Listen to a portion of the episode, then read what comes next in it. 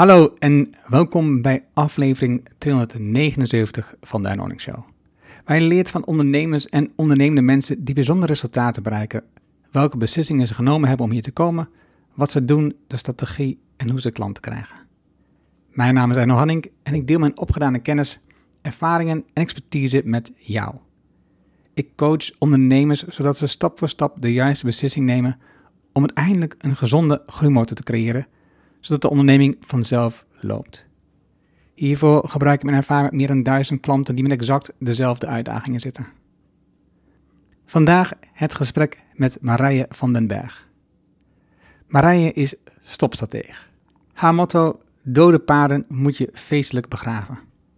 Ze heeft als onderzoeker en adviseur in talloze organisaties rondgelopen, vooral in het lokaal bestuur. Ze zag daar veel overbodige ellende en te veel gedreven mensen die moe en cynisch zijn. Dat kan anders. Marije leidt je in het ambacht van stoppen. Ze is een kampioen in het leuk, eenvoudig, aantrekkelijk en sexy maken van stoppen en schudt hard aan je overtuiging dat stoppen per definitie verliezen is. Stop is haar eerste boek. En van haar boek heb ik meer geleerd over belangrijke elementen om te stoppen. Dingen waar ik geneigd ben om overheen te stappen, omdat beginnen met het nieuwe mij meer trekt dan het oude te stoppen. Maar het een kan niet zonder het ander. In alles wat ik doe moet ik telkens weer keuzes maken over waarmee ik ga stoppen wanneer ik iets nieuws ga doen. Het nieuwe er telkens bovenop stapelen in de hoop dat aan de onderkant iets wegvalt is een strategie die vooral gedoe oplevert. We hebben het over gewoontes en wat je moet doen om deze af te leren. Bewust aandacht voor het afleren. Marije is een ervaren journalist en dat merk je in haar boek.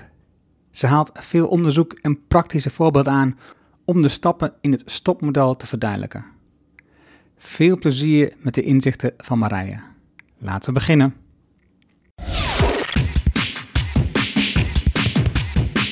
Welkom in de Erno Hamming Show.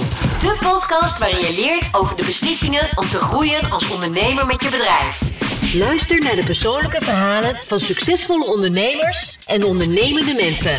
Dan nu jouw business coach Erno Hamming. Vandaag zit ik met Marije van den Berg. Um, Marije, um, welkom in de podcast. Ja, ja dankjewel voor uh, dat je me hebt gevraagd. Leuk. En uh, ik heb je gevraagd, en dat kwam door je boek Stoppen. Uh, jouw, jouw, jouw, nieuwste boek, jouw boek. En, en het boek dat raakt me omdat, um, en dat wist ik voor ik het had gelezen, dat, omdat natuurlijk als je het over betere beslissingen nemen, dat stoppen een van de beslissingen is die um, nou, regelmatig heel lastig is om te nemen. Dus, dus je wilt soms dingen veranderen, of je wil iets nieuws oppakken. Dat betekent tegelijkertijd dat je ook met dingen moet stoppen meestal, want je hebt maar gewoon een beperkt aantal uren in de dag, dus je moet keuzes maken.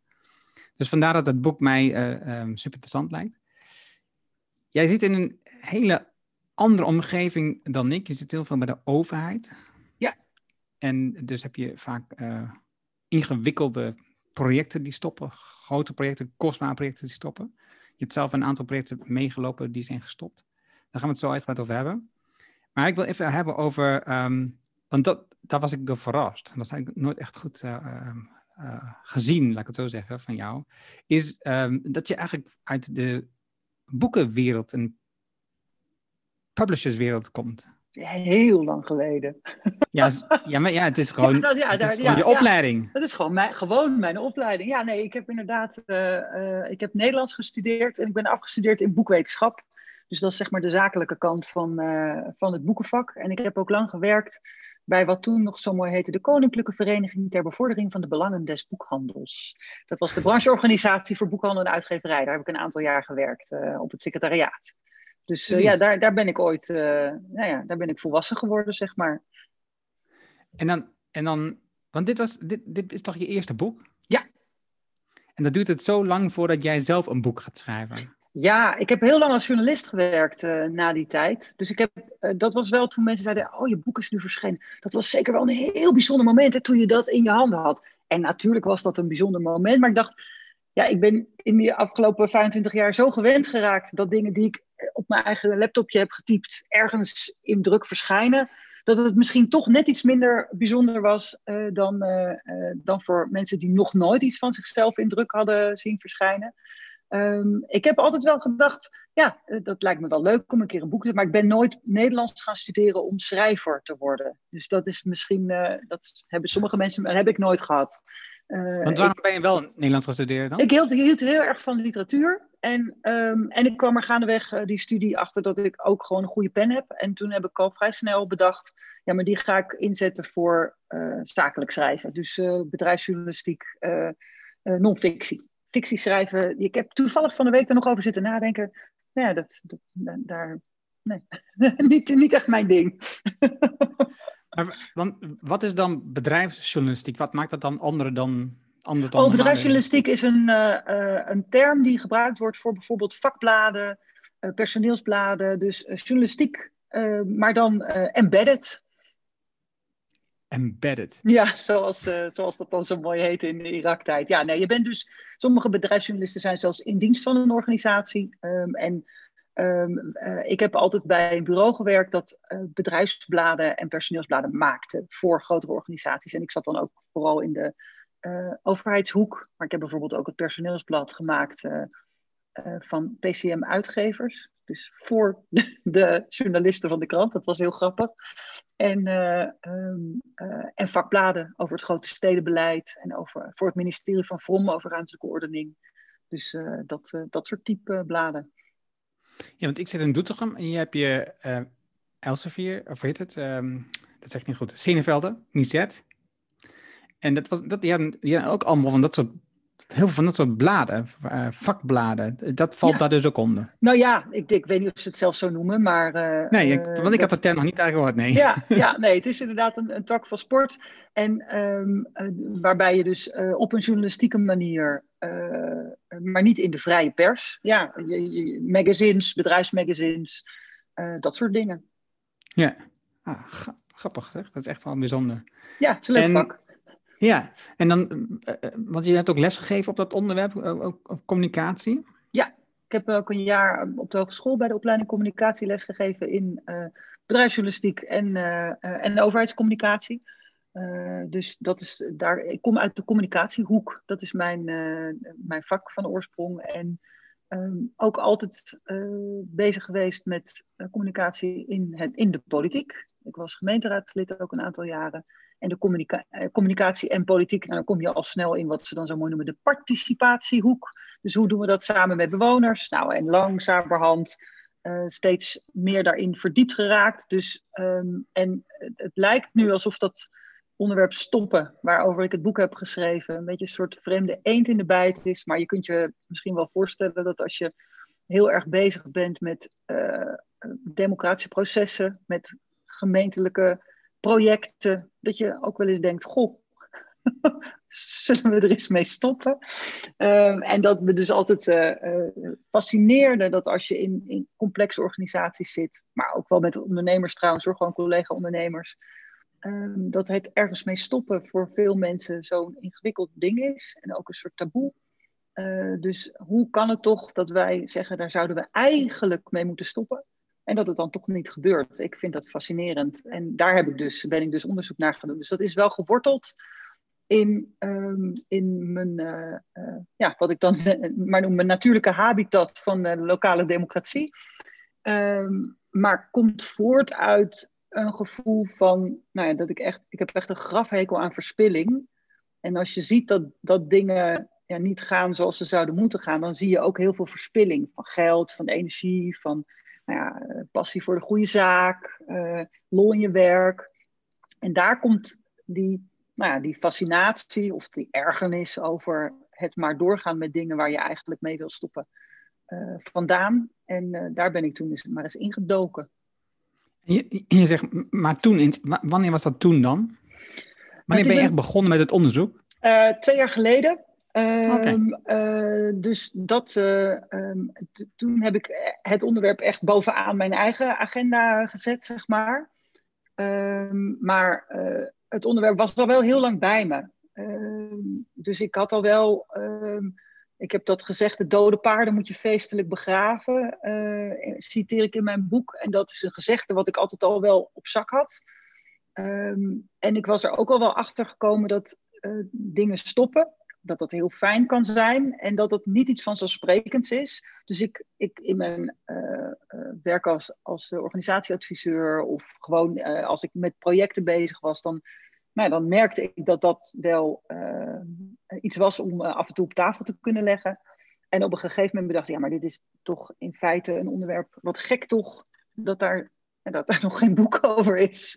Zal ik, ik ga het zelf maar eens schrijven. Dus zo, zo is het gekomen dat onderzoeken, dat wil ik daarvoor hebben. Naast het boek stoppen, want het interesseert mezelf enorm. En zoals sommige mensen weten, in de podcast is uh, ook voor een groot deel gewoon eigen belang dingen leren van mensen. Ja, heel slim. Slimme, slimme, slimme manier. En, um, want het besluit je om het bovenaan je eigen agenda te zetten. En overigens, dat vind ik sowieso al een interessant onderwerp. Ik zie bij veel ondernemers dat ze dat vergeten. Ehm, door de waan van de dag eh, hebben ze wel zoiets van, ik vind dit belangrijk, maar uiteindelijk gebeurt het gewoon niet. En jij zegt twee jaar geleden, ik maak er een onderwerp van, ik zet bovenaan mijn eigen agenda. Dat is één ding, dat is een actie. Maar twee is ook dat je het realiseert. Hoe, hoe, richt je nou je werk, want je hebt een bedrijf en je doet verschillende werkzaamheden voor verschillende Hoe richt je nou je bedrijf en je omgeving zo in, dat het ook werkelijk nummer één wordt op je agenda? Nou, het is, ik, um, als je het zo vraagt, denk ik, het is misschien niet eens nummer één op mijn agenda. Wat ik al wel uh, een aantal jaar doe, dat heb ik geleerd van een collega-ondernemer, Tom, een advocaat. Die noemde een keertje dat hij uh, gewoon een jaarthema voor zichzelf kiest. Uh, aan het eind van het jaar. Nou, dat, dat, heb ik, dat idee heb ik van hem overgenomen. Ehm, omdat het heel leuk is om uh, jezelf zo op de achtergrond van je, van je jaar af te doen. En dan hoeft helemaal niet de, hele week op nummer één te staan. Sterker nog, je kan zomaar drie, drie maanden er niet aan denken. Het is helemaal niet erg. Uh, maar het eerste jaar was mijn thema jeuk. En dan, als ik dan van dingen jeuk kreeg, dan moest ik ze doen. Nou, dat was heel leuk om te doen. Uh, dus ik heb een keer een retraite gedaan. En uh, dat ik dacht, oh, wat, wat ik krijg vaak jeuk van een beetje van dat spiri-gedoe. Nou, dat, dat ging ik dan doen. Daar heb ik ontzettend veel van, van opgestoken. Dus dat was een thema. ik heb een jaar thema geld als, als onderwerp gehad omdat ik in de hoek zit van de bewonersinitiatieven en vrijwilligerswerk. En geld is daar een heel, is heel ingewikkeld spul in die wereld. Dus ik wilde daar meer van weten. Dus nou, op die manier ben ik gewoon gaan lezen daarover. Uh, maar ik ben ook met mezelf op, uh, op studiereis geweest om eens te ontdekken hoe Amerikanen dat deden. Omdat ik het idee had dat ze het daar heel anders deden. Nou was ook zo. Dus, dus dan, en nogmaals, dat zijn dan niet eh, dat ik daar wekenlang mee bezig ben. Maar ik merk wel dat als je jezelf op die manier uh, een beetje uh, richting geeft, dat je bijvoorbeeld in de keuze welke, welke boeken lees je, wat pik je op uit boeken. ja, dat dat dan iets meer sturing, dat je daar iets meer sturing aan geeft bij jezelf en dat helpt. ik ben een vrij breed geïnteresseerd mens en ik lees altijd heel veel boeken tegelijk. Dus dan helpt het om zo'n zo'n kleine uh, ja, woord te hebben waar je dan mee aan de slag kan. Dus, uh, en, ik, en bij stop, omdat ik had bedacht, ik, ik denk dat dit een boek moet worden, uh, heb ik mezelf twee jaar gegeven om, om dat te doen. Dus aan het eind van het jaar dan, dan, is het, dan is het klaar. Dan moet ik weer een nieuw jaarthema kiezen voor 2021. maar, maar, maar, maar, dan gaat je werk in het, in het stoppen natuurlijk gewoon nog door. Dat is dan Tuurlijk. je werk geworden. Ja, maar dat is dan. Er, zal, er zijn vaste aspecten uh, die, dan, die daarbij komen kijken, die dan weer interessant zijn om, om, om te onderzoeken. Ik heb bijvoorbeeld ook een jaar top-down als, als thema gehad, omdat ik heel veel bezig was met bottom-up initiatieven. En ik dacht, ja, maar hoe zit het eigenlijk met top-down? Dus daar wilde ik dan meer van weten. Dus dat, uh, zo op die manier probeer ik mezelf te richten. Ah, mooi, dat is mooi. mooi uh... Maar ook vooral de keuze die je maakt in de onderwerp vind ik mooi. Zo'n ja-thema hoor ik wel vaker, maar dan is dat is een hele ander onderwerp. En ik vind het wel mooi wat jij doet, dat, je, dat dat dan iets, een onderwerp is wat je bezighoudt en dan ook werkelijk daar onderzoek naar doet. En een ja, en ook, en ook dat je het zo open mogelijk uh, voor jezelf houdt. Hè? En uh, vaak ook dat je pas aan het eind van het jaar bedacht van, oh, dit heeft het me gebracht. Of, uh, maar het, is een soort, ja, niet meer dan een klein labeltje wat je dan af en toe weer eventjes ergens op kunt, kunt, kunt plakken. en, ja, over... Oh, sorry. Nee, dat, dat dus ook hè, eh, als je bijvoorbeeld zo'n hele stapel boeken hebt en je denkt, nou ik wil daar toch even doorheen om, om daar iets van te vinden of iets mee te doen, dan kan je veel gerichter ook uh, je, uh, je vakliteratuur lezen bijvoorbeeld. Want ja, je kan toch niet alles lezen en alles wat je leest ook toepassen. Dus dan is het fijn om een soort satéprikker te hebben om er doorheen te steken. Ah, dat is slim. Zou ik dan niet... Het was natuurlijk wat ik nu op dit moment wel veel doe. Hè. Dus ik lees veel voor de podcast in voorbereiding, zoals met jou ook. Dan lees ik over boek Verstoppen.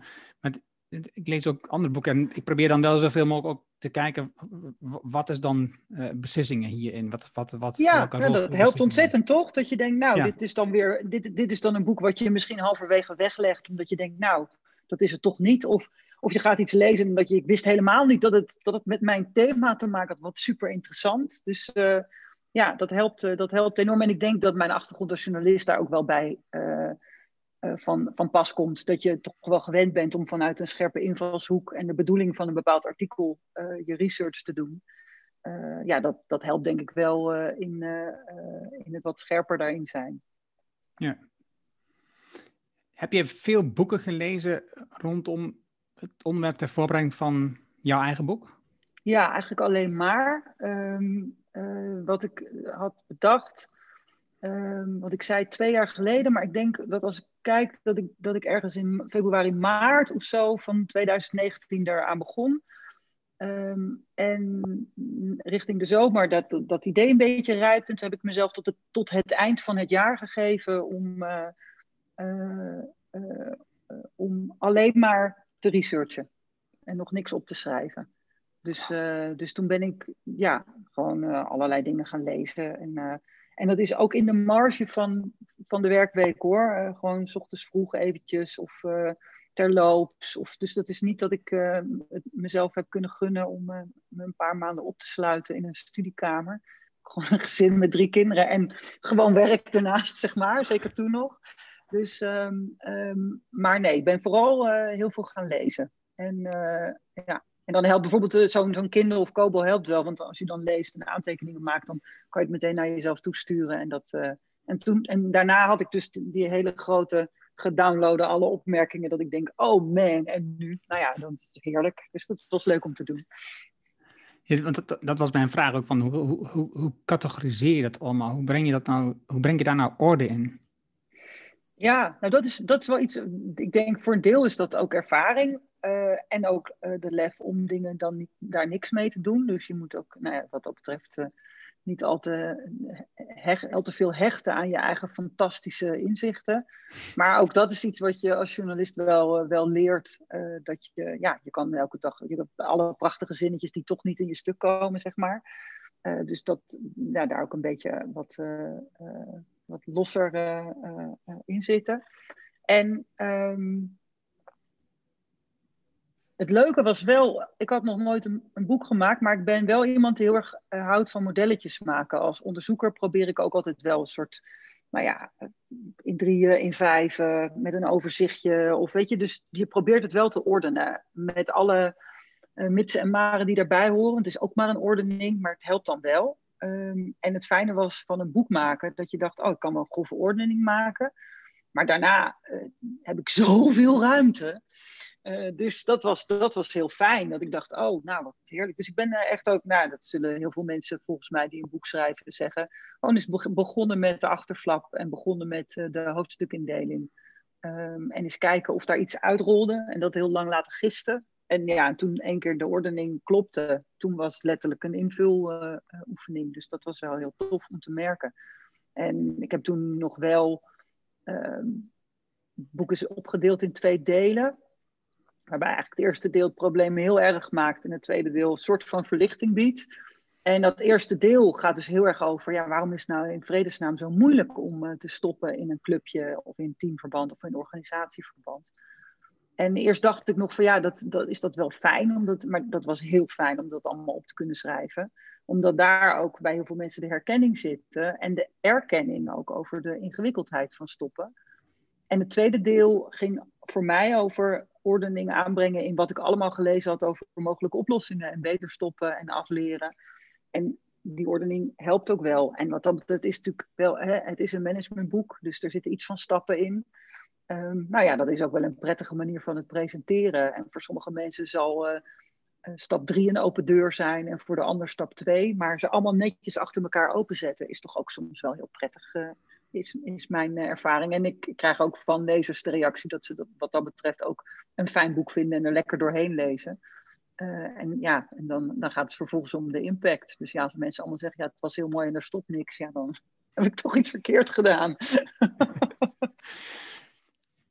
Wanneer kwam je tot dat model? Want staat zo'n zo'n model in, het lijkt op um, het eindigheid, hoe heet het, oneindige model? Nee, het lijkt ja, net het andersom. Een, uh, um, het heet, volgens mij heet het retrograde.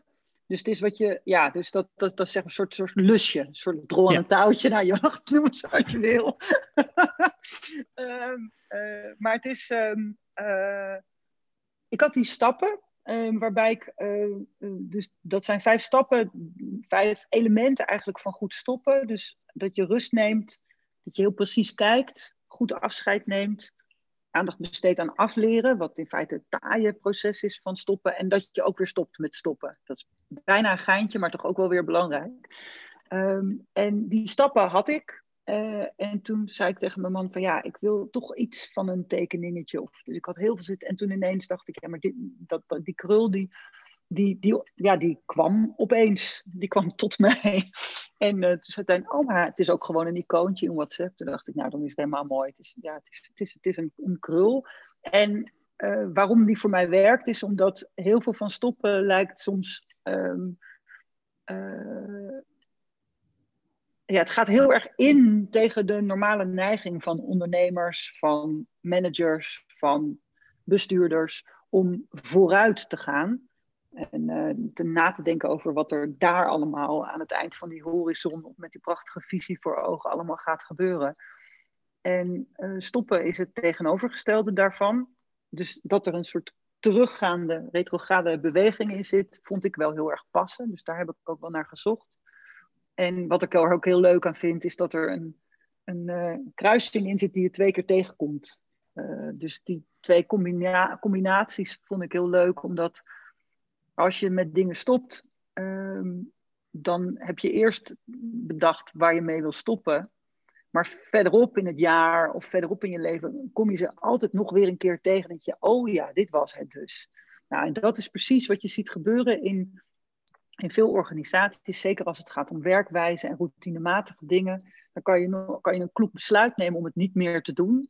Um, maar dat zit dan op zoveel momenten zit dat nog in je, in je organisatie dat je het wel gaat doen. Uh, dat, dat zijn hè, op individueel niveau zijn dat gewoon, nou ja, hoe je nou eenmaal in elkaar zit. Maar op organisatieniveau, hoe de organisatie nou eenmaal in elkaar zit. Um, en dat aspect van stoppen, daar is heel weinig, uh, daar hebben we heel weinig geduld mee. Uh, terwijl dat wel het succes van stoppen bepaalt. Namelijk kun je ook dingen afleren. En nou, dat vond ik fascinerend toen ik ontdekte dat er over afleren was wel literatuur, um, maar heel weinig eigenlijk. Uh, en, uh, en heel, ja, soort, nou, dat wat er, ja, afleren, nou, dan is het er niet meer. Ja, maar hoe doe je dat nou met elkaar? Dat opruimen, uh, je keer op keer stoten aan die stenen en dan denk je, nou, nu gaan we hem eens een keertje uit de weg leggen. En dat ook aan elkaar gunnen. En het leuke was dat toen ik daarnaar ging vragen bij, uh, bij mensen, er ook heel veel goede voorbeelden kwamen van afleerprocessen en afleerpraktijken, um, die vooral heel veel tijd hadden gekost. Dus dat vond ik heel leuk om te merken. Dat ik dacht, nou, dat zal wel heel veel tijd kosten en ingewikkeld zijn. En was het ook. Maar het kon wel. Dus dat, daar werd ik dan wel weer blij van. Ja. Yeah. Nou, met die gewoontes heb ik de afgelopen jaren zelf ook heel veel onderzoek naar gedaan. Gewoontes, een van de beslissingen, de beslissingen heb je dat je heel bewust beslissingen neemt, maar het grootste deel van je beslissingen neemt, die zijn heel onbewust. Dat zijn je gewoontes. Ja. Maar ja, dat, dat zijn wel allemaal beslissingen. En als je dus um, gewoontes hebt die niet bijdragen aan um, ja, de doelen die je wilt bereiken, dan uh, kun je dus beter mee stoppen. Ja, dat zou je. Ja, het is echt een waarheid. Was een cool, Erno. maar, maar wat je zegt, want in je boek heb je, het, heb je het ook over. Je hebt het ook over die gewoontes en hoe lang dat dan duurt. Hè? De, de, de, er wordt dan gezegd 21 dagen of, of uh, 30 dagen. Nou, het is, het is. Nou, het is, het is, onderzoek blijkt dat het ergens zo rond de 64 zit. Dus het is veel langer dan mensen eigenlijk zouden willen en wensen. En Ehm, en je moet heel bewust eigenlijk iets anders van de plaats brengen. Je moet echt bewust eh, een nieuwe actie ontwikkelen die dat, die dat in de plaats neemt. Dus, dus, dus, je moet eigenlijk in je brein heb je die verbinding is gemaakt om deze actie zo te organiseren. Dus je moet een andere verbinding maken om uh, een nieuwe actie te realiseren. En die andere moet dan wegslijten. Ja. En, en dat is, ja, dat is, ik vind dat dus ik vind dat dus magisch interessante uh, stof en, en, en manieren van werken om daarover na te denken. En dat zie je in jouw boek ook terug. Dus dat stoppen is gewoon ingewikkeld um, voor jezelf. Mijn organisatie is net zo. Want als jij iets stopt, en de rest van de organisatie die uh, doet het niet, dan is het, dat zie je in een aantal van je voorbeelden over terugkomen, is het zo moeilijk om jouw ding ook te stoppen, want andere mensen verwachten iets van je of gaan iets met de informatie die je hebt, moet hebben aangeleverd, iets met die informatie doen. Ja. En het voorbeeld van jou was dan ook van dat je uh, iets in de bibliotheek ging doen van, je, van, van de school van je kinderen bijvoorbeeld. Ja, ja, ja, dat is, uh, ja want het boek gaat inderdaad, dat is wel goed om te vertellen, uh, is niet geschreven voor individuen die met bepaalde gewoontes willen stoppen. Daar zijn echt bibliotheken vol over geschreven. Maar het gaat juist heel erg over teams en organisaties. En hoe je dat dan daarin met elkaar voor elkaar moet krijgen. En hoe ingewikkeld dat is. Ja, en, dat, dat, wacht, ja? Want ook daarna, je had het ook in je boek, heb je het ook over. Want je hebt namelijk te maken met het, het brein en de gewoontes van je organisatie, van je team. Want um, het boek waar we het ook over gelezen, is dat een bepaald moment, dat is de, de, de lerende onderneming van um, die kerel van Shell, ik ben even zijn naam kwijt. Maar dit, daar gaat het ook over. Op een bepaald moment is de organisatie is een levend organisme. Ja, dat is, zo, zo kan je er naar kijken inderdaad. Het is gewoon, die heeft zijn eigen, uh, uh, ja, houdt zichzelf in stand, heeft zijn eigen gewoontes. Uh, je zou het cultuur kunnen noemen. Je kan op, op, op heel veel manieren naar, naar organisaties kijken, maar in elk geval gaat het ook altijd over dat het meer is dan de som der delen. Dus dat als elke individu in zo'n organisatie iets vindt, dat dat nog niet wil betekenen dat het ook automatisch, dat die hele organisatie dat dan ook vindt. Dus dat is wel een, uh, dat is zeker waarom het uh, complex is en ook tegelijkertijd heel kansrijk. Want als je, als je dat dan in beweging krijgt, zijn het ook meteen een hele hoop mensen die daarvan profiteren. Dus ik wil het ook graag positief duiden. Nou, het voorbeeld van de schoolbibliotheek was, um, dat ging erover dat um, uh, uh, de schoolbibliotheek bij de, de, school van mijn kinderen zocht nieuwe bibliotheekouders. En samen met twee andere ouders hadden wij ons daarvoor aangemeld. En de bibliotheekmoeder die dat altijd had gedaan, die was al weg. Haar kind was van school en zij was daarmee gestopt. En ehm, de juf die ons ging uitleggen hoe de bibliotheek werkte, die ging dat allemaal vertellen. Hier staan de kasten met boeken. Oh ja, en, en dan is er ook nog het, het systeem van Marlies. Wat is dat dan? Nou, dat was een Excel waarin alle boeken van de schoolbibliotheek stonden en waarin zij dan netjes bijhield welk kind welk boek had geleend. En, maar ja, dat stond ergens op een schoolcomputer waarvan ook niet helemaal meer duidelijk was waar hij was gebleven. En uh, nou, het systeem was zoek, maar de uitleg ook. En toen dacht ik dacht wel meteen, oh, dit vind ik interessant. Is dit, is dit nou, wat is dit nou dat we dit bijhouden? Dus ik had gevraagd van, goh, um, wat gebeurt er dan met dat systeem en met al dat bijhouden? Ja, uh, ja, ja dat, daarmee houden we dat bij. En nou ja, je voelt hem al aankomen. Um, ik dacht, nou, ik zei, is het, kunnen we ermee stoppen? Is dat, wat gebeurt er dan? En nou ja, als je het systeem verder niet gebruikt, kijk, dat je weet, als je weet welke kinderen welke boeken leest en vervolgens leerkrachten en misschien wel ouders daar iets uithalen. Bijvoorbeeld, nou, dit type boek moeten we vaker aanschaffen. Of onze kinderen lezen structureel een lager niveau dan we eigenlijk willen. Of nou ja, whatever. Maar dat gebeurde allemaal niet. Het was gewoon een hermetisch systeem ja, waarin we nou eenmaal bijhielden hoe het zat. Terwijl het, het gaat om zes kasten met boeken die best overzichtelijk zijn en op alfabet. Dus ja, uh, uh, en ik ben zelf van de school, als ik een kind zo houdt van een boek dat het stiekem mee naar huis neemt. Yes! Weet je, ik bedoel, dan kopen we gewoon een nieuw boek. Eh, of we gaan naar een van de mini-wiepjes overal in het land. En dan halen we weer nieuwe boeken. Maar goed, dat, dat, dat, heb ik niet gezegd hoor, tegen de juf. Want daar was ik mee van. Maar we, wat wij dus merkten was, we zijn er dus mee gestopt. Zij is, is daarover na gaan denken, die, die leerkracht. En heeft gezegd, ja, inderdaad, we doen het zonder. Het feit dat, dat de bibliotheekmoeder die dit altijd had gedaan, al weg was, maakte dat er ruimte was om te zeggen: we gaan dit niet opnieuw oppakken. Wat ik in het boek schrijf is dat ik, ik weet het natuurlijk niet zeker, maar mijn vermoeden is zeer groot dat als wij ingewerkt waren door deze bibliotheekmoeder, dat iedereen netjes dat systeem was blijven vullen. Ehm, en dat als ik dan had gezegd, ja, voor wie doen we dit eigenlijk? Dat het een heel onaardig, uh, heel onaardig zou zijn gevonden en, uh, en respectloos. En de bibliotheekmoeder van niks, die van den Berg. Dus het feit dat je um, op wordt geleid en dat je aangeleerd wordt om het op een bepaalde manier te doen. Iedereen weet dat dat zo werkt in organisaties. Maar afleren is een vaak veel pijnlijker en ingewikkelder proces, omdat je ook moet gaan zeggen: Het is goed geweest tot nu, maar nu niet meer. Dank je wel voor het fijn bijhouden, maar we gaan het op een andere manier doen, of we gaan het helemaal niet meer doen. Nou, dat, dat is natuurlijk een. Uh, dat, dat, ja, dat kan iedereen aanvoelen dat dat ook te maken heeft met in twijfel trekken of het überhaupt wel zin heeft gehad al die tijd. En dat doen mensen natuurlijk liever niet zelf. Dat snijden in eigen vlees of in twijfel trekken dat de dingen die ze tot nu toe hebben gedaan, ja, misschien wel helemaal ja, gewoon zonde van ieders energie en geld waren. Dus dat. Uh... Ja, dat zijn, dat, zijn, dat zijn natuurlijk teleurstellende conclusies. Dat je, dat je een tijd lang, misschien wel jaren hebt gewerkt aan iets waar eigenlijk niets meer gebeurt. Wat helemaal niet zo zinvol was als, op dat moment dat je mee bezig was. Dat is natuurlijk gewoon echt een, een pijnlijke conclusie die je moet trekken.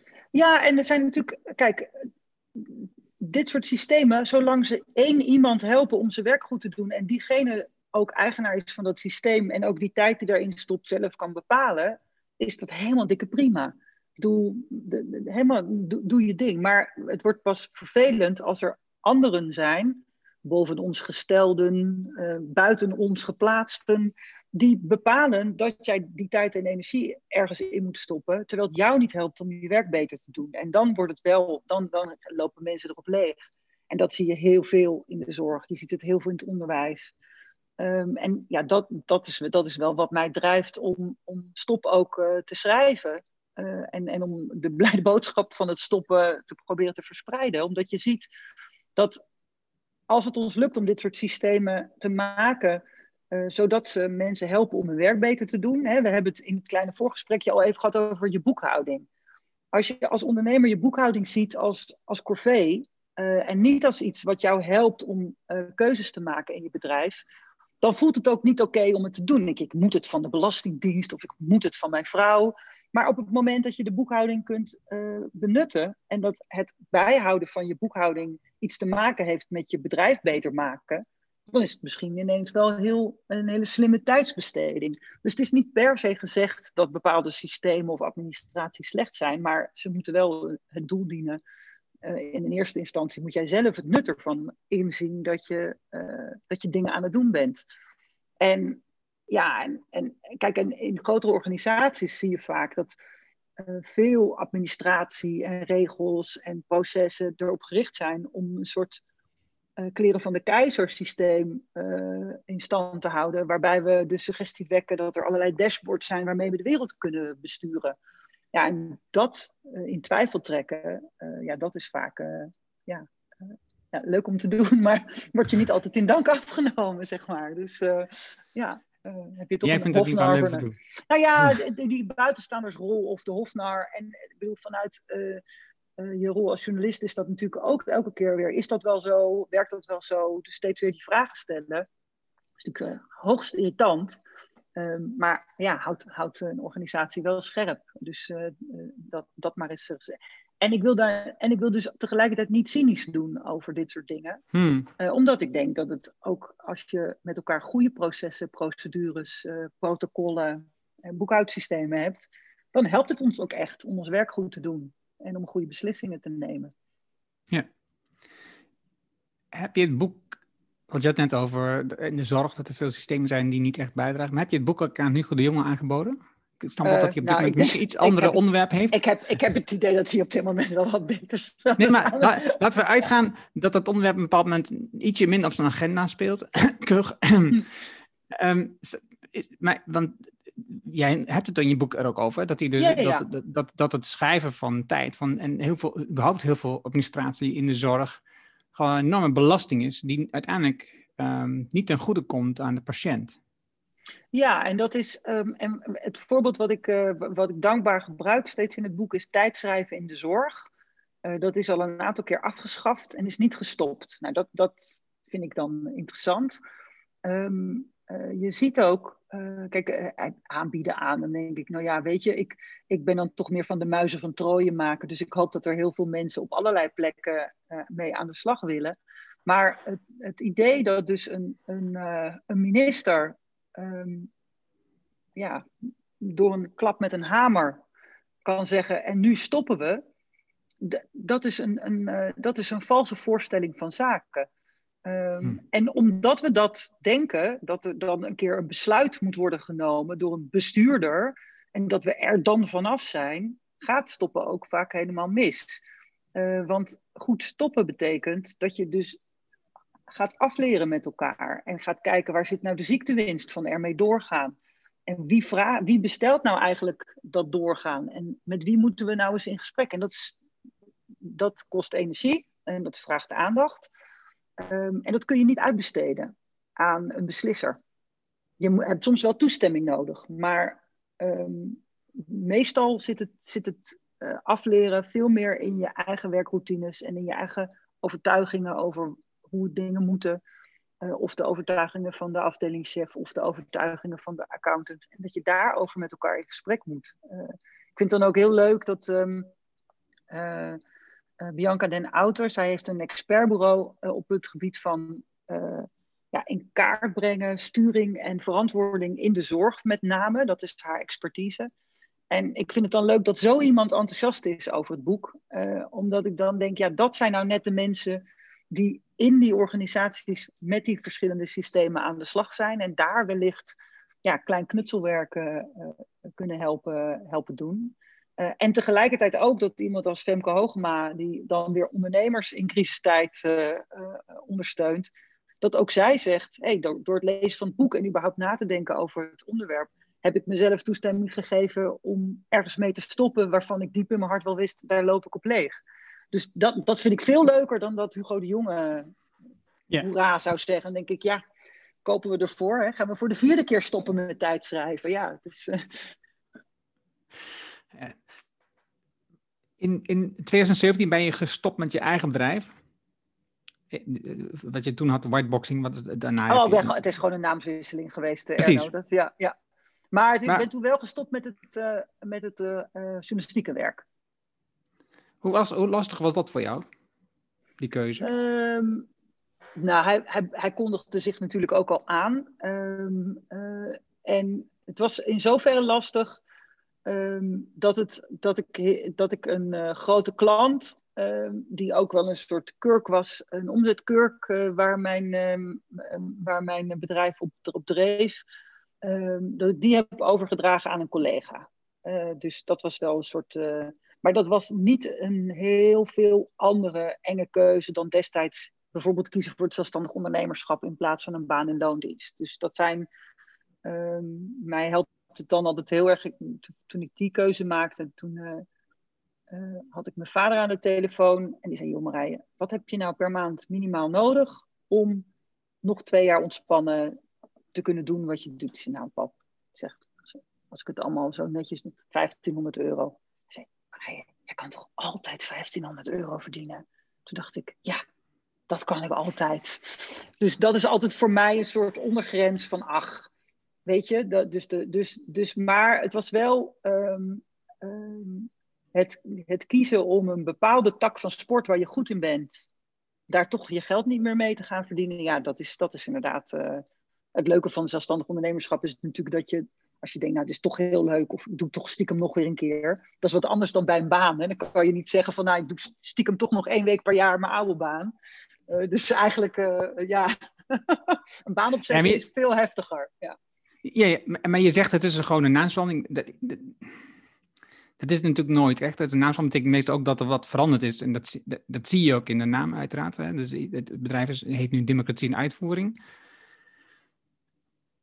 Dus... Ja, uh, nou ja, het is wel een soort... Uh, um, omdat je natuurlijk als, uh, als, als zelfstandig professional... Ja, je kan onder eigen naam opereren. Um, dat is misschien uiteindelijk het aller relaxed. Maar het is natuurlijk wel dat je als je groeit in je bedrijf of als je, uh, uh, uh, ja, als je verschuift in je bedrijf, zoals als je diagonaal groeit, ja, dan soms heb je, dan zit de jas niet meer, je, zit, zit de jas je niet lekker meer. En dan Ja, dan, dan, en, en als je in loondienst werkt, kan je dan een andere baan gaan zoeken. Ja, dat is natuurlijk niet als je, als je zelfstandige bent. Dus dan, dan moet je het in dit soort dingen zoeken. En ik ben nu weer. Ja, ja. Andere, andere klanten. Andere klanten, andere uitstraling. En ik heb nu, ik bedoel, ik zit nu weer in dezelfde fase hoor. Dat, uh, uh, jij zei ook al van ja, jou natuurlijk, of je, je, veel voorbeelden uit het lokaal bestuur. Nou, dat is ook waar ik, uh, waar ik grotendeels in opereer. en de vraag is dan, nou, voel ik me daar lekker bij? Heb ik daar toegevoegde waarde? Wil ik daar blijven? Of wil ik me verbreden of veranderen? Nou ja, dat, dat vraagt dan ook weer uh, nadenken over je, je profilering en je profiel. En, maar nou ja, dan, en dan ga ik weer meteen denk ik, oh, ik hoef helemaal niet te kiezen. Dan denk ik, ja, ik moet wel kiezen. Nou ja, goed, niks, niks uh, menselijks is ons vreemd. Uh, waar moet ik nu ja, mee stoppen? Ja. ja dat is, ik, en ik vind het, het, mooie van je boek vind ik ook, er staan ontzettend veel voorbeelden in um, van, van jezelf, maar ook van andere mensen, van, van grote um, beslissers die, die iets anders doen. Ik, het, ik, nee, ik ben even haar naam denk ik kwijt. Maar in ieder geval het voorbeeld van die dame die besluit dat ze um, die, die die, die eh, voorstellingen, um, of het, die uh, stop met het, met, met het ene deel van, van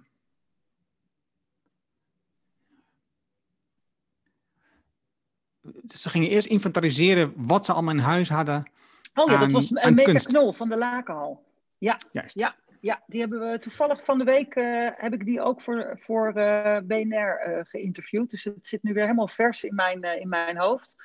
Um, ja, uh, ja, wat vond je daar vooral zo interessant aan? Uh... Nou, dat je, dat je, dat je het lef hebt om de keuze te maken om. om en, en, en dat kwam bij een ander voorbeeld ook terug, waarbij dus een bepaald moment zat er eten in uh, het, het maandelijks ontvangen van iets. En daar kwam een aantal mensen op af en besluiten dan om het eten uit te halen. En dan zien dat dat dus effect heeft dat meer mensen komen. En hetzelfde geldt bij dit voorbeeld. Dat je dus de, een hele lastige keuze maakte. We gaan voorlopig sluiten om eerst, in, om eerst in beeld te brengen wat hebben we eigenlijk in huis. Zodat we allemaal weten wat er in huis is. En, en dat dan ook delen met andere mensen. Zeggen, ja, we kunnen wel uh, nu um, een fantastisch nieuw uh, pand neerzetten. Maar als we niet weten uh, wat erin moet, dan, dan, dan, dan weten we eigenlijk nog steeds niks. Ja, en dat, ja, dat, ja, nou, wat, wat ik dan moet is, dat, het zijn dus hele lastige keuzes die je op dat moment maakt. Om, dat, om, dat, om daarvoor te gaan staan en zeggen, dit ga ik zo organiseren. Ja, nou, het leuke van, uh, van het voorbeeld van Meta Knol is dat zij dat dus helemaal niet zo lastig vond. Um, zij, zij kwam bij dat museum en zij zag echt een zieke patiënt. Er was echt alles was mis. En er lag ook nog een rapport waarin stond hoe mis. En het was erger dan dat, bij wijze van spreken. Het, gebouw, de collectie, het personeel, de organisatie, alles, alles was, was verwaarloosd. Dus voor haar was het um, helemaal niet heel uh, raar om te zeggen: we stoppen even met alles. Want we gaan nu niet een nieuw gebouw neerzetten, bijvoorbeeld, in, in, deze, in deze puinhoop. Um, maar dat van buitenaf zag het er heel kordaat uh, uit. Want zij stopte bijvoorbeeld met de vaste tentoonstelling. Ze stopte met uh, allerlei exposities. ze ging dus niet verbouwen. En van buitenaf, als, als bekijker van dat je echt, jeetje, wat een radicale keuze. Terwijl zij het als een hele natuurlijke en organische keuze zag. Want zij ging namelijk met de mensen die daar werkten kijken. Wat, is, wat hebben we nou eigenlijk bij ons in het magazijn liggen? Waar zijn wij eigenlijk, waar, waar zijn wij eigenlijk van gebakken als museum? Dus dat vind ik, vond ik ook wel mooi om, om uh, als voorbeeld te benutten. Waarbij dus ook mijn idee van, oh, maar dat was heel radicaal. En toen heeft ze al haar medewerkers enorm moeten motiveren. Want iedereen vond het stom, want ze was een soort saneerder. Maar dat was helemaal niet zo. Haar medewerkers vonden het juist heel prettig dat er eindelijk iemand was die aan hen vroeg: maar wat vind je nou eigenlijk belangrijk van hier werken? En waar hou je van in het museum? Zullen we dat dus aan de bezoekers gaan vragen? Wat vinden zij belangrijk en waar houden zij van? En, um, en, dat, dus, en dat ze dus met heel andere dingen stopte dan ik dacht. Uh, maar het had zeker wel met stoppen te maken, met afremmen en goed kijken uh, waar, waar gaan we wel mee door. Um, en dat is denk ik, um, kijk, veranderingen is, is wat mij betreft wat je nieuw doet, wat je koestert en wat je stopt. Dat bij elkaar opgeteld is verandering. Dat nieuwe en dat koesteren, dat hebben we meestal wel dat koesteren doen we ook niet zo goed. Dat nieuwe is, is heel sexy. Dat koesteren is een soort van, nou ja, oké, dan, jij, jij houdt wat je hebt. Maar dat stoppen, dat, doen we eigenlijk niet. Want we denken dan, als we dan maar dat nieuwe doen, ja, dan valt dat wat we niet meer willen doen vanzelf wel van de kar af. En dat is dus niet zo. En dat weet iedereen ook wel. En soms vind ik het wel lastig om te zeggen van hoeveel, als je mensen dan bewust maakt op hoe, hoeveel tijd stoppen kost, of hoeveel energie je erin zou moeten steken, denk ik wel eens, oh, het is helemaal niet, uh, is helemaal niet een fijn, fijne boodschap. Want je wil juist nieuw en sexy. En, hè? Maar ik weet, uh, ik weet wel dat als je, iedereen voelt het, dat die energie stopt in dingen die eigenlijk zouden moeten stoppen. Dat, dat loopt iets op leeg, uh, wat het dan ook is. Dus ik denk dat we die energie die we nu stoppen in dingen waar we eigenlijk mee moeten stoppen, als we die productief kunnen maken om ermee te stoppen, dat dat echt veel prettiger ingezette energie is. Um, en dat heeft ook te maken met, nou, met je kop in het zand is het gewoon niet zo lekker ademhalen. Dus dat is dat, en dat is toch, maar toch is ja, het lekker fijn en veilig en zo, maar ja, dat helpt gewoon niet zo goed. En eh, de angst voor wat je ziet als je je kop uit het zand haalt, ja, ja daar kan je misschien wel wat ontspannender in worden. Eh, in de zin van, nou oké, wat, wat zie je dan? Ja, wat er is. dit is het dus. Ja, oké, nou meer kan ik niet doen dan, dan nu om me heen kijken en bedenken wat er, wat er nodig is. En bij stoppen um, gaat het over ontmaskeren. En gaat het over inderdaad onderkennen van hm, deze manier van werken, die werkt niet meer. Of we moeten toch uh, naar onze opdrachtgever of naar onze klant of naar ons personeel om te zeggen, het gaat niet meer. We gaan het anders doen. Uh, we kiezen ervoor om het niet meer te doen. En, en in dat opzicht denk ik dat er weer niet heel veel verschil zit tussen publieke organisaties en, en, uh, en bedrijven. Omdat ik denk dat ook zij te maken hebben met verwachtingen, met iets wat ze neergezet hebben, beloftes, ja, die je als je gaat stoppen, maar dat je daaraan moet gaan morrelen. Um, en ja, het leuke is dat je. Ik heb bijvoorbeeld laatst uh, Rick Pastoor geïnterviewd. Die heeft het boek Grip geschreven, maar is ook heel lang head of product bij Blendel geweest. Die vertelt zo open over hoe lolle, hoeveel lol ze eigenlijk gehad hebben, ook in het stoppen met dingen. Hoe ingewikkeld het was en zo. Maar ook hoe vanzelfsprekend het was in die organisatie, in dat bedrijf, om dat af en toe wel te doen.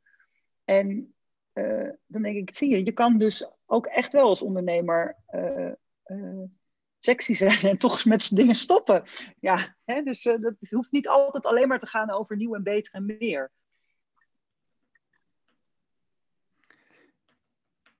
Ik, uh, je noemde net al dat je het afremmen.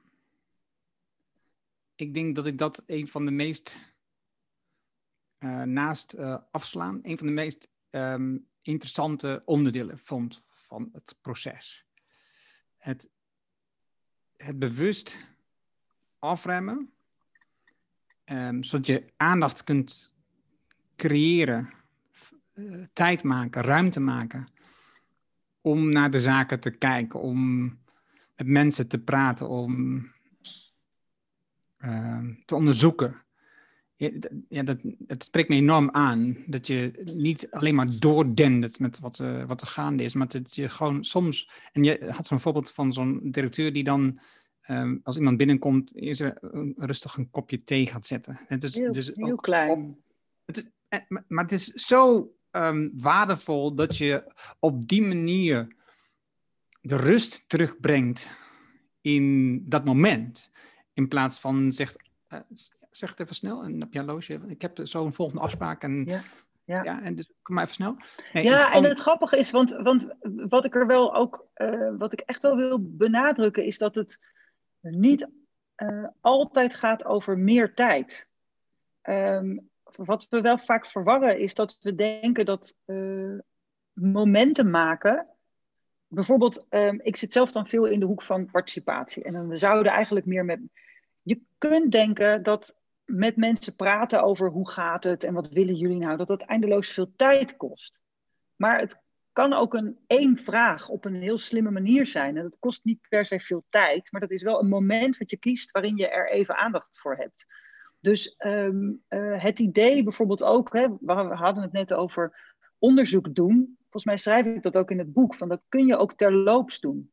Dat gaat niet over dat je jezelf drie dagen opsluit om een beleidstuk te schrijven of een onderzoek te doen. Het gaat erom dat je uh, voor jezelf kleine momentjes maakt, een paar minuutjes, dat je even, oh ja, oh ja. En dat hoeft helemaal niet veel tijd te kosten, maar gaat echt over het ja, fixeren van de tijd in feite. Ehm, en uh, dat afremmen. Um, ik citeer mijn zus ook uh, in het boek. Uh, hardop, hollend de trap op gaat niet sneller. Het is echt niet waar. Dat, dat, sterker nog, je, je valt gewoon vooral heel vaak. Maar die, net als mensen die dan denken dat ze met 130 per uur echt veel sneller zijn dan met 120 per uur in Nederland. Dit is echt een soort het is waanzin. Het is niet eens waar, maar het is dus, dus, dus het idee dat um, uh, aandacht ook heel veel tijd uh, kost. Soms is dat zo, maar heel vaak ook niet. Even een kopje thee zetten. Ja, wat, ja, sommige dingen kunnen ook tegelijkertijd. Of, uh, dus dat vind ik wel belangrijk om ook aan ondernemers mee te geven. Dat het dus niet altijd hoeft te gaan om, om dat je jezelf vrijplant een week om na te denken over je bedrijf. Dat hoeft helemaal niet als jij netjes je boekhouding bijdoet, dan denk, bijhoudt, dan denk je elke week even aan je bedrijf. Als je dat op die manier benut. Hè? Dus je kunt dat ook, uh, uh, uh, dat kan ook best snel. ja. Nou, ik, ik, moet denken aan Derek Sivers, die, die, die, schrijft hier ook een keer zijn blog over. En, um, en, en, dat is een oud verhaal waarbij hij ergens langs de kust in, in Los Angeles, of San Francisco, weet ik niet zeker, uh, dat, dat, dat, is een lang stuk langs de kust waar hij fietst mm naar zijn werk of wat dan ook. Ik weet niet precies wat het meer was. Maar dat, en dat, dat stuk, dat fietst hij dan gewoon knetterhard en trap en trap en trap. En dan kwam ik bezweet over en dan... Maar ik ben weer daar. En toen, een bepaald moment, een, een, dag ging hij gewoon... Gewoon dacht hij, ja, ik heb geen, geen zin, ik heb tijd zat, ik doe het even rustig aan. Dus hij fietste gewoon heel kalm aan. En hij keek op zijn klokje en dat was drie minuten langzamer.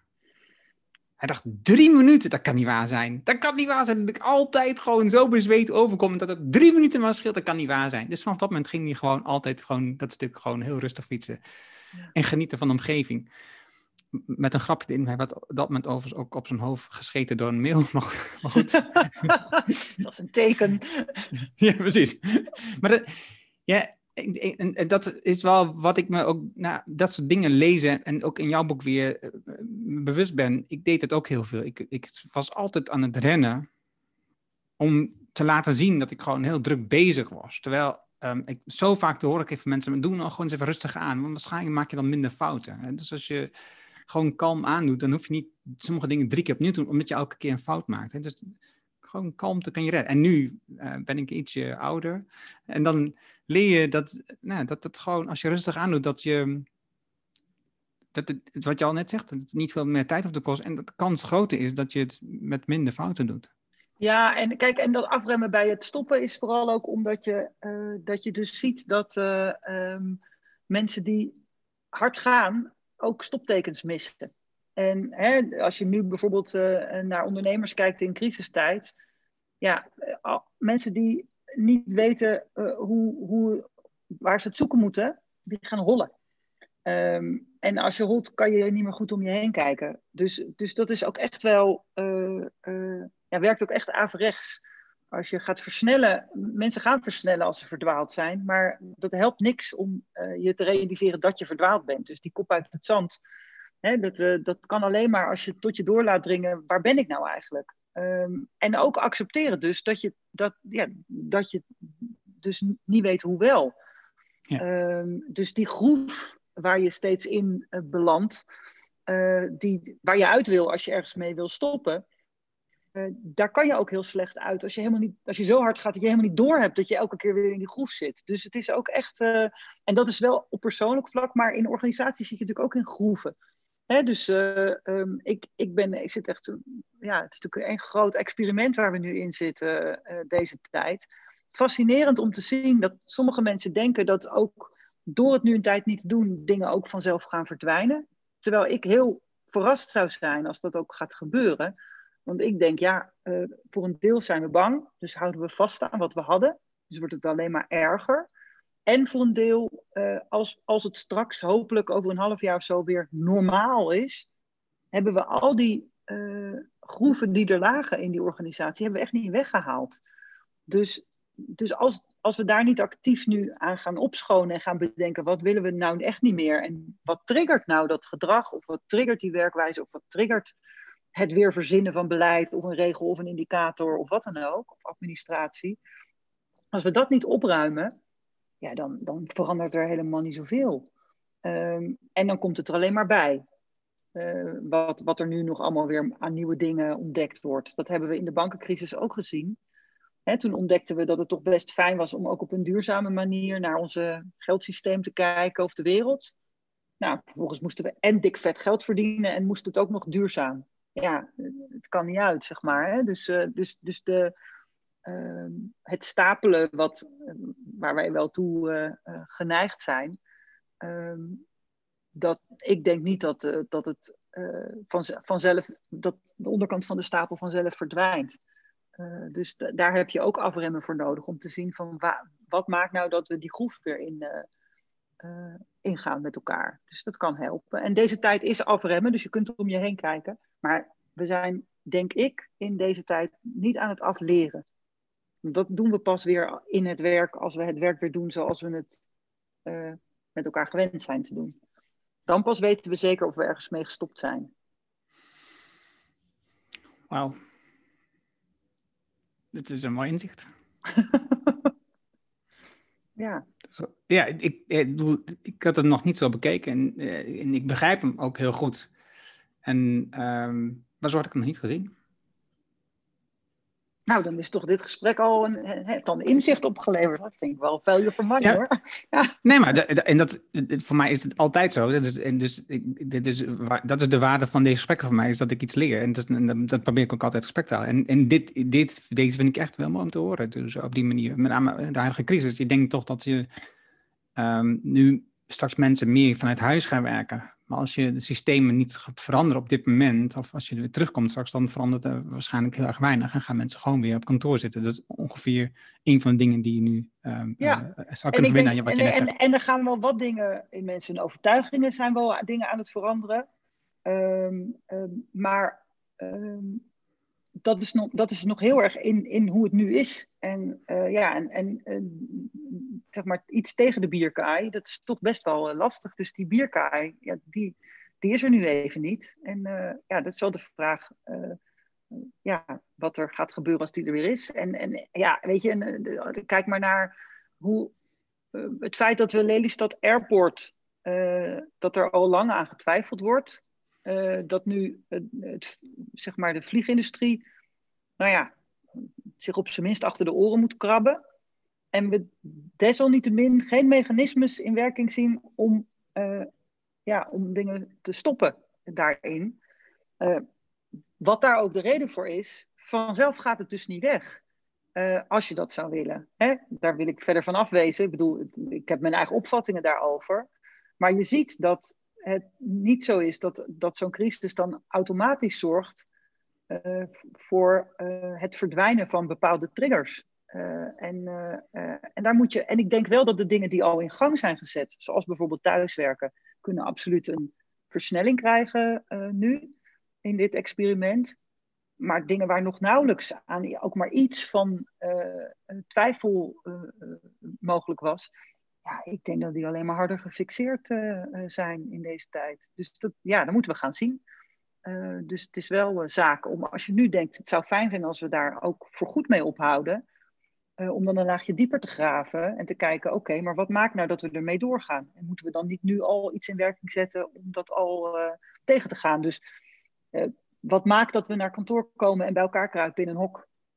ja, dat kan voor elke organisatie verschillend zijn, maar als je dat niet aanpakt en, en ja, opruimt, dan gaan we het straks gewoon weer doen. En voor de goede dingen geldt het gelukkig ook, weet je. Dan ga je gewoon weer met elkaar koffie drinken en zo. Dus dat is ook is, fijn. Dat is ook ja. fijn. Laat dit, Marij, laat dit, laat dit um, de motivatie zijn voor mensen om op dit moment jouw boek te kopen. Plus dat je waarschijnlijk iets meer tijd op dit moment, omdat je toch veel thuis bent en minder hoeft te reizen. Dus heb je iets meer ruimte om een boek te lezen. Ja, je kan het ook maar luisteren, ook, want er is ook een luisterboek. Ja, precies. Ja. Maar, maar ook sowieso gewoon dat je, dat, dit je, dat je dit aangrijpt om de systemen, de processen, de groeven die op dit moment in je bedrijf liggen, ehm, te onderzoeken en, en, te, en, en te denken van, moet, moet, dit wel zo doorgaan? En dat dan werken met de slag gaan op de manier zoals jij het beschrijft. Er zitten een aantal hele waardevolle stappen in. En ik, ik had nog zoveel aan je willen vragen over dit onderwerp. Maar ik denk dat je het gewoon moet lezen. Dat is het allerbelangrijkste wat je kunt doen hierin. Omdat uiteindelijk moet je het onderwerp eigen maken en zelf in de slag gaan. Um, en zoals je al zei, het is gewoon. Dit is iets wat je bewust moet doen. Het is niet eenvoudig, maar het is ook niet ingewikkeld. Nee, en, het vraagt, en vooral het vraagt aandacht. Um, en het leuke is natuurlijk dat, uh, kijk, op het moment dat je, dat je aan de slag gaat met stoppen, uh, zeker als je dat in een groepje doet, je ziet vanzelf wel aan mensen hun gezicht of het een goed idee is. Want de meeste mensen verzachten ter plekke als dat waar ze mee willen stoppen eigenlijk, als er toestemming komt of een, een aanpak, uh, om het ook echt te gaan doen, om daar ook echt mee te gaan stoppen. Dus het levert enorm veel ruimte uh, op. Um, en het voorkomt verspilling. Dus ik denk echt dat, dat als we dit bewuster gaan doen, ja, ik denk dat mensen daar ook wel lol in, in kunnen hebben om om de, de, oude manier die ze niet meer willen, om die ook echt niet meer te doen. Maar dan inderdaad uh, dat je jezelf uh, de ruimte geeft of elkaar de ruimte geeft om dat ook echt af te leren. En niet denken van ja, we zouden het toch niet meer doen, we doen het toch weer. Ja, uh, oké. Dus dat je dat, oh, wat fijn, dan weten we nog een trigger voor ons oude gedrag. Net als dat uh, Edison zei toen hij weer geen lamp had uit, weet ik weer een manier waarop je geen lamp kunt uitvinden, is elke keer als je het toch weer doet, dan heb je blijkbaar weer een trigger ontdekt, uh, waardoor je het toch weer gaat doen. En die trigger moet je dan uh, opruimen. Nou, dat kan ja. een overtuiging zijn of een computersysteem of wat dan ook. Hè? ik, ik weet zeker dat jij voorlopig als stopstratege zo, je, zo ben je jezelf gaan noemen, ja. Um, werk voldoende hebt. Het kan, ik kan me niet anders voorstellen dat mensen hier met een slag willen en ook daar hulp bij zoeken om het van elkaar te krijgen. Omdat je nou eenmaal, wat je zegt, eh, eh, een soort hofnaar daar heel prettig bij is om, om iemand die daar van een buitenkant um, wat makkelijker tegenaan kan kijken en ook niet die emotie en die bagage bij zich heeft waar dit allemaal vandaan kwam, deze keuze om dit op, op die manier te doen. heeft geen emotionele historie bij, dat, bij, dat, bij het proces moest zo. Hè? Dat, dat ja. heb je niet. Nee, dat helpt enorm als iemand van buiten dat inzet. Um, dus ik kan me niet anders voorstellen dat je een boel werk hebt. Hoe um, kunnen mensen jou het beste bereiken? Nou, het handigste is om gewoon naar de website goedstoppen.nl te gaan. Daar staat heel veel op. Uh, ook de link naar het boek en het luisterboek om het te kunnen kopen. Uh, en ik ben ook op LinkedIn makkelijk uh, te vinden. Dus Marije van den Berg. En, dan, en ik ook ben en wie er op Twitter zit. Ik heet Marije op Twitter. Dus veel manieren. Super, dankjewel Marije. Nou, jij ook bedankt voor de vragen. Leuk. Vond het een leuk gesprek. Mooi. Ga ik nou mijn kind halen? Ja, precies. Dat was het gave gesprek met Marije.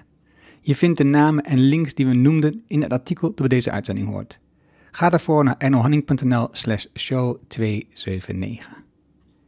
Wil je vanzelf automatisch de volgende aflevering van deze podcast op jouw telefoon krijgen? Dat kan heel eenvoudig. Heb je een iPhone, dan zit daar standaard de Apple Podcast app op. Deze app open je, dan zoek je op de Aanhouding Show en klik op abonneer. Heb je een Android-telefoon, dan download je bijvoorbeeld de Player FM app. Zoek de Aanhouding Show op en klik op abonneer. Dankjewel alvast. Heb je vragen, opmerkingen of een reactie op deze aflevering met Marije? Of over de podcast in het algemeen? Stuur dan een e-mail naar podcast.ernohanning.nl. Dan weet ik dat het over de podcast gaat. Ik hoor graag van jou. Wil je leren hoe je stap voor stap de groeimotor van je bedrijf versnelt? Wil je veel meer werken aan taken die nog niet urgent, maar wel belangrijk zijn? En wil je leren hoe je beslissingenboek gebruikt om je beslissingen te verbeteren? Vraag dan het boek Beter Beslissingen, Beter Ondernemen aan op ernohanning.nl. Dit is mijn nieuwste boek en daarom download je het nu helemaal gratis. Je hebt zelfs geen e-mailadres nodig. Wil je de papieren versie van het boek? Dat kan ook. Je betaalt dan alleen de verzendkosten. Mijn nieuwste boek is altijd gratis. Vraag het daarom nu aan op ernohanning.nl. je leest het in één avondtijd. Dankjewel voor het luisteren en graag tot de volgende. Dankjewel voor het luisteren naar de Erno Hanning Show op ernohanning.nl.